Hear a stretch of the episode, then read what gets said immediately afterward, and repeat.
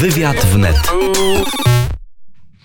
A gościem poranka wnet jest Paweł Lisicki, redaktor naczelny Tygodnika do Rzeczy. Dzień dobry, panie redaktorze. Dzień dobry. Kto wygra wybory prezydenckie? Och, żebym ja to wiedział. No, tak, biorąc pod uwagę sondaże, najbardziej prawdopodobnym zwycięzcą jest wciąż obecny prezydent Andrzej Duda. Jednak jego przewaga nad pozostałymi kandydatami jest na tyle duża, y, że wszystko na to wskazuje, mm, że, mm, no, że on będzie zwycięzcą. Chociaż no, nie da się ukryć też, na pewno nie będzie łatwa kampania i to nie będzie prosta sprawa zwycięstwo. W pierwszej turze zapewne z dużą przewagą, natomiast oczywiście no, wszystko wskazuje na to, że dojdzie do drugiej tury i że to będzie druga tura dla obecnego prezydenta bardzo trudna. Bo e, przeciwnikiem prezydenta też wszystko na to wskazuje będzie e, prezydent e, Warszawy, który bardzo dynamicznie zaczął swoją kampanię wyborczą.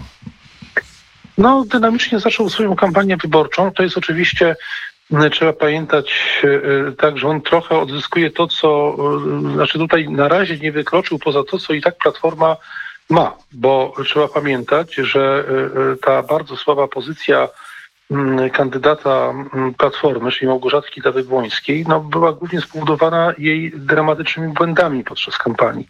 Błędami zarówno takimi, że wygadywała różne niestworzone rzeczy i kompletnie nie można się było zorientować, co ma często na myśli, popełniała błędy, czasem błędy proste, czyli takie faktograficzne, czasem po prostu się zacinała, czasem, że tak powiem, mówiła w ogóle no, rzeczy dziwaczne, osobliwe, bezsensowne, no wyjątkowo, wyjątkowo z tego punktu widzenia słaby kandydat i dodatkowo jeszcze został też popełniony przez Platformę i sztab, sztab Małgorzaty Kidawy-Błońskiej błąd strategiczny polegający na tym, że nie bardzo było wiadomo, czy, czy ona w ogóle w tych wyborach bierze udział, no bo brała udział w debacie, yy, yy, zachowywała się tak, odpowiadała na pytania, zachowywała się tak, jakby startowała, a jednocześnie ona jej sztab wezwali do bojkotu.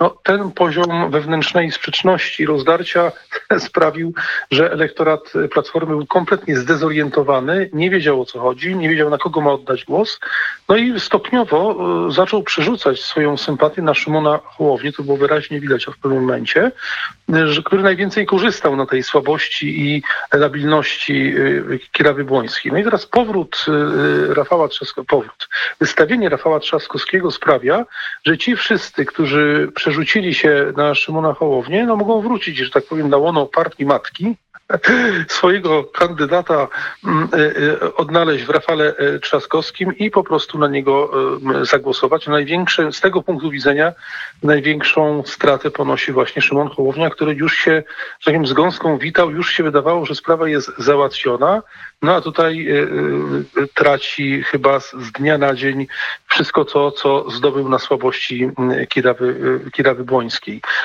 Natomiast jest też, jest, na razie jest też prawdą, że te, to poparcie dla Rafała Trzaskowskiego nie jest większe niż poparcie dla Platformy. Mówię o sondażach partyjnych. Więc trudno tu mówić o jakimś wielkim sukcesie albo, albo wejściu smoka. On po prostu odzyskuje na razie to, co, czy, czy, tych wyborców, którzy głosowali na Platformę, czy zyska jakichś dodatkowych, poza, tym, poza tymi, którzy i tak Platformę wspierają, no to jest pytanie otwarte i o tym się przekonamy, bo on, on jest dopiero w grze, że tak powiem, od tygodnia. Ale Platforma Obywatelska osiągnęła cel. Udało się przesunąć wybory prezydenckie nie 10, nie 23 maja, tylko prawdopodobnie 28 czerwca. Zmiana kandydata, nowa dynamika i odzyskanie, odzyskanie siły, bo dla Rafała Trzaskowskiego sukcesem jest wejście do drugiej tury wyborów prezydenckich, a niekoniecznie zwycięstwo. To prawda, że Platforma w tym sensie, w tym sensie, no, można powiedzieć tak, ona uciekła, uciekła spod topora, bo wydawało się, że jeśli by doszło do wyborów 10 maja, no to kandydat Platformy dostanie właśnie tych kilka procent, a co powodow- mogłoby powodować całkowitą dezintegrację Platformy. Ale to nie jest takie proste moim zdaniem, ponieważ i, i, i no 10 maja, gdybyśmy oczywiście spróbowali sobie wyobrazić, co by się działo, a, a, a wybory się nie wydarzyły, nawet gdyby, tak jak, mówi, tak jak mówiłem zresztą wiele razy, gdyby prezydent Andrzej Duda wygrał te wybory w pierwszej turze, co było prawdopodobne, to wygrałby je z bardzo małą, bardzo niską frekwencją. W rezultacie e, ten, to zwycięstwo byłoby klasycznym zwycięstwem pyrrhusowym. Nie, nie wierzę po prostu w to, że te, że, że te wybory 10 maja miały, miały sens. Wydaje mi się, że jeśli mówimy o tym, no, kto tutaj zyskał, kto stracił,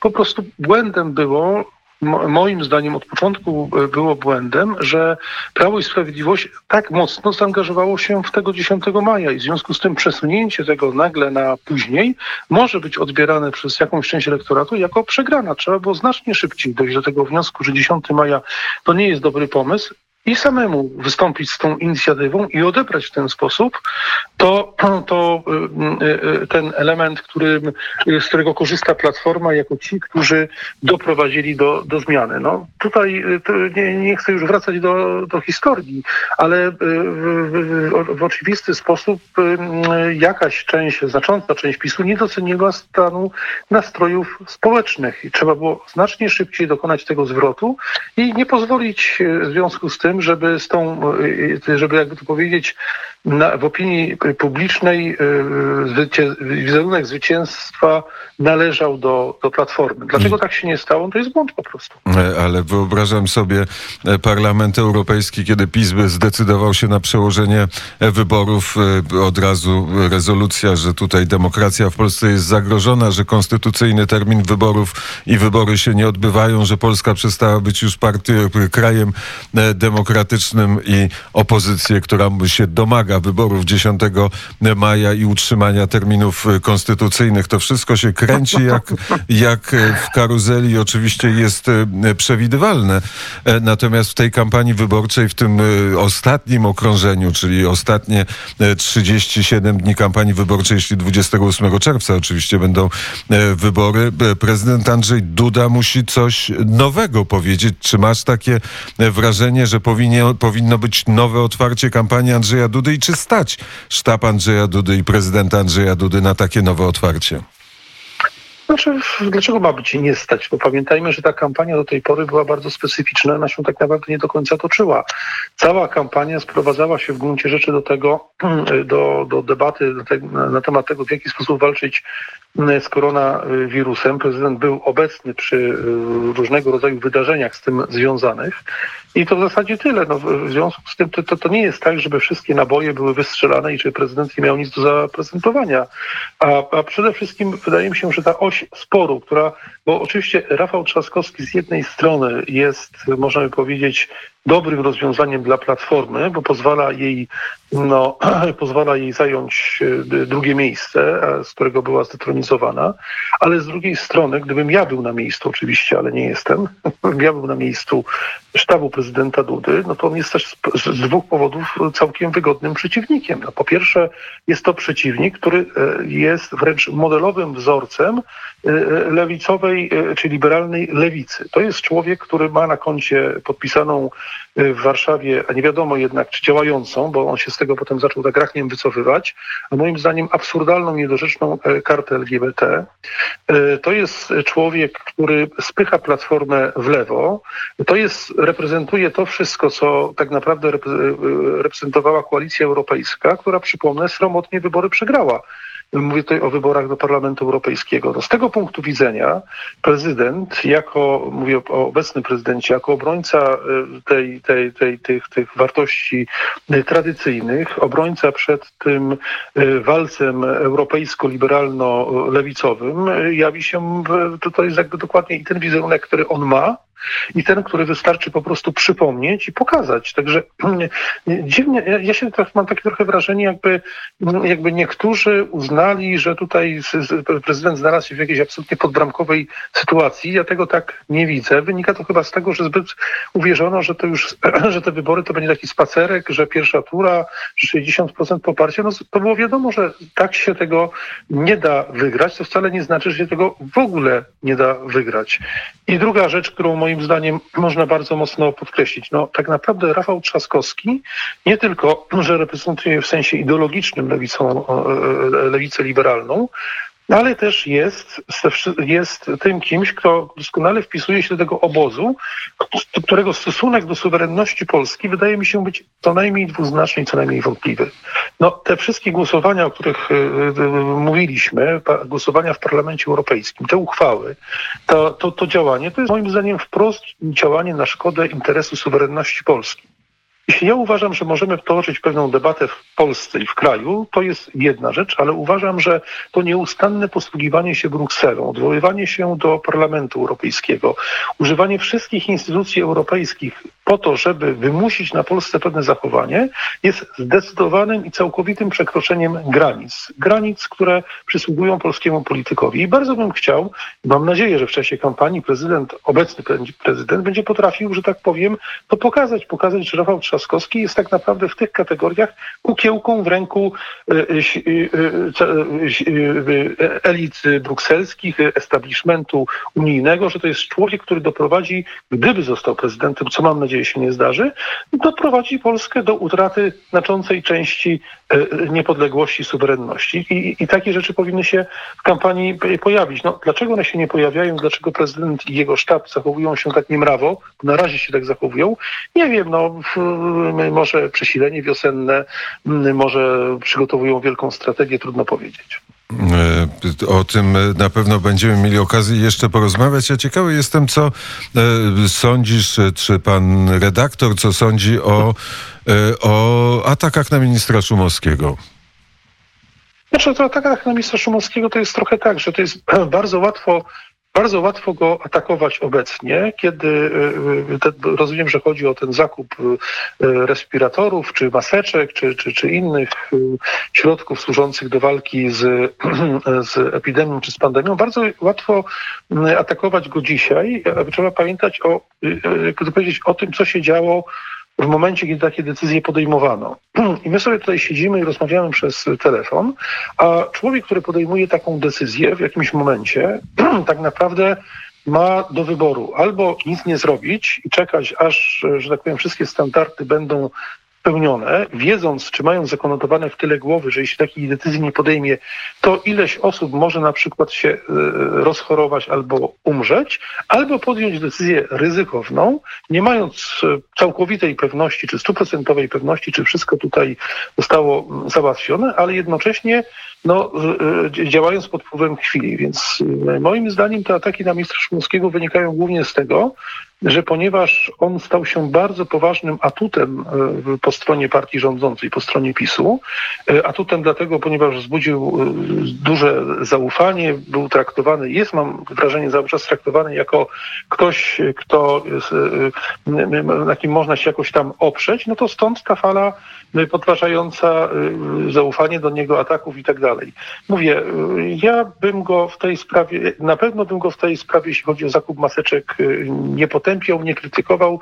Trzeba pamiętać o kontekście, o sytuacji, o tym, że mm, takie, takie rzeczy łatwo się mówi z pewnej perspektywy, kiedy już mamy pełną wiedzę, a znacznie trudniej, y, kiedy trzeba podjąć w ciągu kilkunastu godzin, może nawet kilku godzin decyzję, od której zależy y, ludzkie życie. I w tym przypadku wydaje mi się, że, że tak powiem, dobra intencja, a tej, tej jestem pewien, jest, y, jest czymś wystarczająco usprawiedliwiającym. To jest jedna linia e, ataku na, to, na te wszystkie decyzje, które które podejmował też minister Szumowski. O tym mówił Rafał Trzaskowski, że opublikuje, jak tylko zostanę prezydentem, opublikuje białą księgę dotyczącą pandemii koronawirusa i działań, które zostały podjęte. Odpowiedź Łukasza Szumowskiego, ministra zdrowia była taka, że proszę bardzo, nie mam nic do ukrycia, ani sobie nic do zarzucenia. Ale druga dyskusja, która właściwie są jeszcze dwie dyskusje, bo jedna dyskusja dotyczy mediów publicznych, a druga e, decyzja, a druga dyskusja dotyczy e, tych filmów. Z jednej strony filmów, e, filmu Sekielskich, bracia, z drugiej strony filmu Latkowskiego.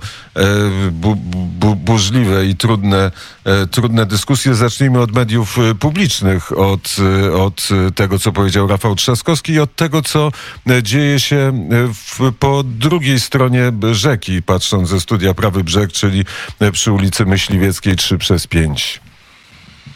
No, jeśli chodzi o wypowiedź Rafała Trzaskowskiego, to ja to odebrałem jako formę groźby a, albo wręcz takiego e, zapowiedzi zemsty na mediach publicznych, szczególnie na telewizji publicznej czy na, czy na TVP Info. E, ja nie twierdzę, że wszystko się musi podobać, to co jest w telewizji publicznej, wszystkie programy i sposób ich prowadzenia. Można mieć tutaj zastrzeżenia, ja je mam. Natomiast uważam, że w całokształcie nazwijmy to tak, w całokształcie mm, mm, sceny medialnej w Polsce ogólnie telewizja publiczna odgrywa pozytywną rolę, ponieważ równoważy y, ogromną przewagę mediów drugiej strony i pozwala dojść do głosu tym, którzy w normalny sposób by takiej możliwości nie mieli.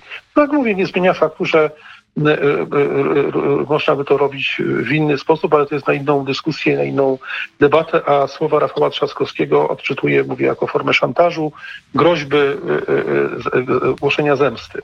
Ale a jeśli chodzi no, o... A jak, a jak odczytujesz komunikat szefa Rady Mediów Narodowych, że trwa głosowanie, takie zdalne głosowanie na przywrócenie do zarządu telewizji publicznej Jacka Kurskiego? No, znaczy tutaj to chyba specjalnie nie trzeba odczytywać. Od samego początku było wiadomo, że ta dymisja Jacka Kurskiego jest aktem e, pozorowanym, że w gruncie rzeczy on, nawet nie będąc w zarządzie, faktycznie w dużej mierze telewizją zarządza. E, on stał się, e, brał udział w, w takim starciu politycznym z jednej strony tak jak rozumiem, bo to też no, wiedzę opieram tylko na tym, co przeczytałem, był, był właśnie Jarosław Gowin, trochę prezydent, trochę premier, którzy postanowili e, no, pozbyć się Jacka Kurskiego, a, ale Jacek Kurski ma bardzo silne e, poparcie prezesa PiSu Jarosława Kaczyńskiego i w związku z tym prędzej czy później było wiadomo, że na stanowisko wróci, więc to jest, to jest moim zdaniem trochę taka burza w szklance wody. Znacznie ważniejszym z tego punktu widzenia, jeśli chodzi o media publiczne, jest to, co wydarzyło się, czy dzieje się, bo właściwie to się rozumiem cały czas dzieje, w, w trójce z, z tą piosenką Kazika Staszewskiego, która wygrała, ale nie wygrała. Trudno powiedzieć teraz y, listę, listę przebojów, ale to uważam za, za jednak bardzo poważny błąd y, y, ze strony no chyba tych, którzy decyzję podjęli, w tym przypadku przynajmniej formalnie wygląda na to, że to dyrekcja dyrekcja trójki. Rzecz doprowadziła do, popatrzmy na, jej, na jej konsekwencje polityczne no, doprowadziła do tego, po pierwsze, wypromowała nieprawdopodobnie samą piosenkę Kazika Staszewskiego, która gdyby po prostu sobie to miejsce zajęła, to by zajęła i, i potem by sobie była i nic by o niej nie było słychać. Y, y, uczyniła z Kasika, y, no, że tak powiem, męczennika, może już chodzić w roli męczennika prześladowanego przez straszliwy w cudzysłowie mówię, żeby wszyscy mieli pewność, reżim pisowski, e, doprowadziła do tego, e, że e, wizerunek PiSu jako partii bezpośrednio zarządzającej mediami w sposób całkowicie niecywilizowany się tylko, tak powiem, utwierdził i, i jeszcze wzmocnił. No cała seria w sensie politycznym bardzo niedobry efekt, ponieważ zmobilizował wszystkich tych, nazwijmy to, obojętnych, tych, którym łatwo wmówić, że tutaj e, chodzi o jakąś cenzurę. No, nie jest żadna cenzura, tylko rzeczywiście tutaj akurat prezydent Andrzej Duda miał wczoraj rację, że no nikt tak bardzo nie przyczynił się do, w sensie marketingowym, do powodzenia utworu Kazika Staszewskiego, jak właśnie dyrekcja Trójki. No powiem tak, jeśli ktoś, jeśli oceniamy kogoś zgodnie z jego intencjami, to jest ta miara, którą przykładamy, jeśli intencją było to, żeby ta piosenka nie została pokazana, no to skutki są dokładnie całkowicie nieproporcjonalne, nieodwrotne, a, a, a szkody wywołane tą decyzją, zarówno dla samego programu, jak i dla no, tutaj mówię, pozycji również prezydenta, bo, bo, bo taka jest też prawda, że, że ta, nie, ta nieszczęśliwa decyzja w dużej mierze rzutuje na przebieg kampanii Andrzeja Dudy i odbiera mu jakąś część elektoratu, mobilizując jego przeciwników. No, powiem tak, gorzej nie można było tego zrobić. I tego się nie da odwrócić. No, tego się, tego się nie da odwrócić, bo tak czasem, czasem jest, że ktoś popełnia błąd, może się go, z niego jeszcze wycofać, było na to dosyć dużo czasu.